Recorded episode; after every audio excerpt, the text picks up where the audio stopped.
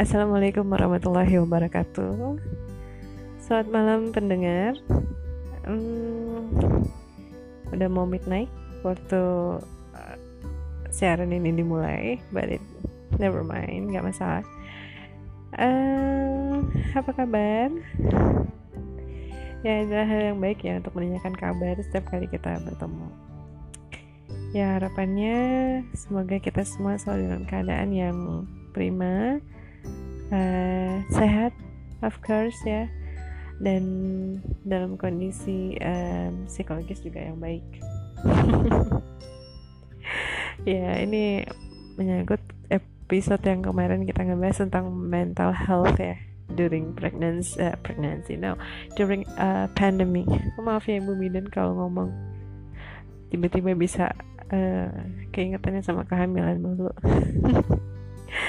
Oke pendengar, um, malam ini saya ketemu topik bahasan yang cukup menarik, ya, uh, mengenai facial. Nah, facial ya.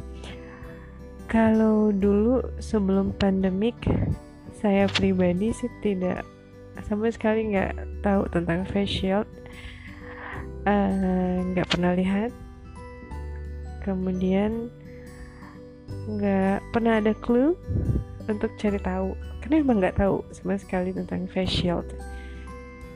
Ya. Uh, keingintahuan tentang face shield ini muncul ya pasti sama lah ya setelah pandemi ini juga muncul.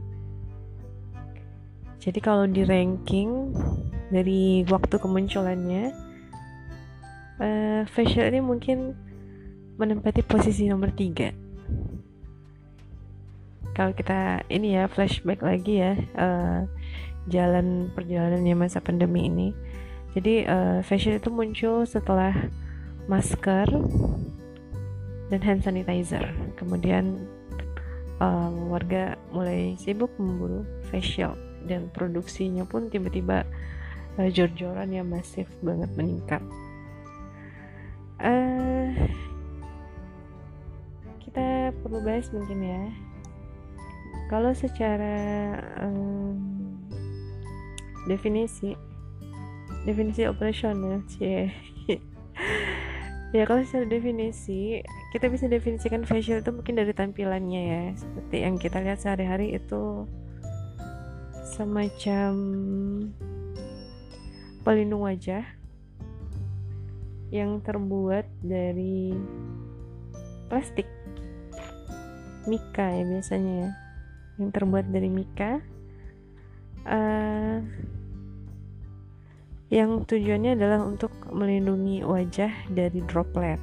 Kalau tujuan tujuan besarnya ya itu ya. Ya merupakan pelindung wajah dari plastik bening yang banyak digunakan oleh petugas kesehatan. Ya awal-awalnya memang petugas kesehatan yang banyak menggunakan. Uh, kenapa face shield? Nah, mungkin kita kok tiba-tiba rame pakai face shield, kok tiba-tiba uh, apa uh, para selebriti kemudian uh, diizinkan untuk memakai face shield dalam tayangan-tayangan mereka di TV ya apakah face shield ini lebih baik daripada masker? Ya mungkin banyak ya pertanyaan-pertanyaan seperti itu yang timbul. Nggak tahu deh kita sempat uh, ngebahas atau searching lebih lanjut atau enggak cuman di sini kita akan bahas. Oke? Okay? kalau uh, face shield why face shield? Karena di poin pertama nih ya yang aku pengen angkat karena keterbatasan dari masker wajah itu sendiri. Kita tahu masker wajah uh, itu proteksinya dari bagian hidung mulut sampai ke dagu ya kan? Cuman ternyata ada organ lain di wajah kita yang uh, terbuka yang ternyata juga bisa menjadi uh, pintu masuk dari virus corona yaitu mata ya kan jadi kalau masker perlindungannya nggak sampai ke atas. Nah kalau facial dia cover wajah kita lebih sempurna. Dari dahi sampai ke dagu. Itu mungkin salah satu uh, karena keterbatasan masker tadi maka dirasa uh, mungkin butuh perlindungan yang lebih uh, komplit. Nah muncullah face shield ini sebagai pelengkapnya gitu. Terus yang kedua face shield itu lebih ramah dipakai lebih dan juga reusable. Uh, dia gampang dibersihkan karena lapisannya pelindungnya dari mika atau plastik jadi gampang untuk dibersihkan dengan desinfektan. Iya, kalau masker kan sekali pakai ya, apalagi masker bedah itu nggak bisa uh, pakai berulang-ulang. Masker kain itu juga sekali 4 jam harus diganti dan yang sudah dipakai itu harus dicuci bersih. Kalau facial enggak, jadi dia bisa dibersihkan dari luar dan dari dalam juga bisa. Kemudian bisa dipakai lagi praktis. Kemudian uh, Keunggulan lainnya dari facial adalah karena dia ada di wajah kita, uh, facial jadi menghalangi kita untuk menyentuh area wajah. Ya, karena tangan kita ini kan uh, latah ya, udah megang megang sini, megang sini, kemudian yang dikhawatirkan kan nanti uh, main ke hidung, ke mata, atau megang area mulut. Uh, which is kita sekarang tahu kalau itu juga bisa jadi jalur uh, masuknya virus ke tubuh kita jadi adanya face shield itu bikin kita uh, tersadar. Ketika mau megang wajah oh iya ini ada face shield di wajah aku. Jadi terhalang gitu. Dengan harapan uh, frekuensi kita menyentuh area wajah itu juga uh, berkurang maksimal. Terus lagi uh, ada masa-masanya di mana kita mungkin nggak bisa menghindari kerumunan orang kalau kita udah dikasih tahu diinformasikan untuk social distancing minimal 2 meter dari orang lain. Tapi bagaimana kalau misalnya kita sedang di dalam komuter lain atau lagi di pasar yang memang sulit ya untuk dihindari kerumunan ini? Nah kadang kita cuma memakai masker wajah itu uh, rasanya tidak cukup ya sebaiknya kan juga melindungi wajah uh, bagian mata dengan kacamata gitu. Nah face shield bisa jadi salah satu pilihan kita untuk itu. Jadi proteksi untuk uh, area wajah itu lebih uh, baik lagi dengan face shield. Karena juga melindungi mata kita. Kemudian uh, salah satu keistimewaan lainnya dari face shield adalah karena bentuknya yang transparan jadi tidak mengganggu komunikasi dua arah. Ya kita tetap uh, bisa melihat ekspresi muka lawan bicara lawan bicara juga bisa melihat uh, muka kita jadi interaksinya lebih humanis. Lebih ya lebih humanis lebih lebih enak ya.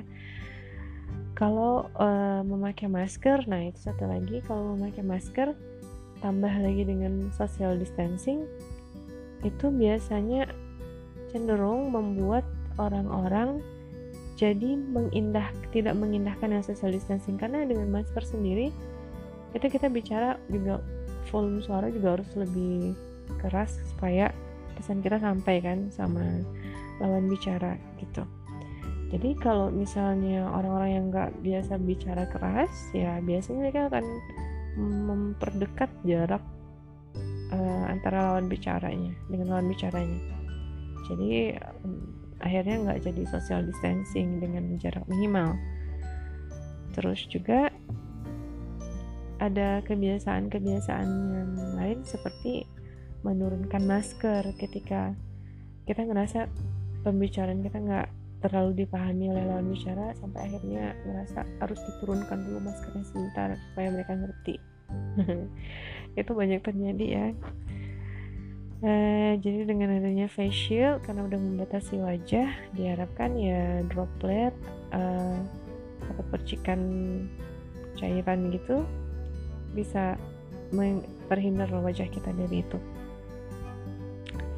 Iya cuman tetap lagi kalau misalnya kita um, menyimpulkan which one is better masker atau face shield? Jadi kalau dari sumber yang aku dapat ya pendengar itu um, tetap ya face shield tetap tidak bisa menggantikan masker.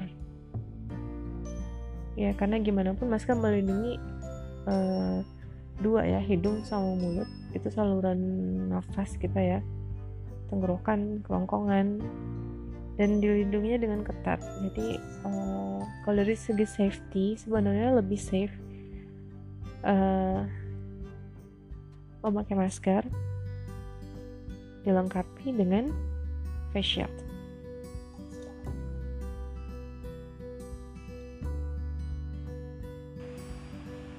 jadi bisa dikatakan face shield dan masker itu udah kayak tim yang saling melengkapi.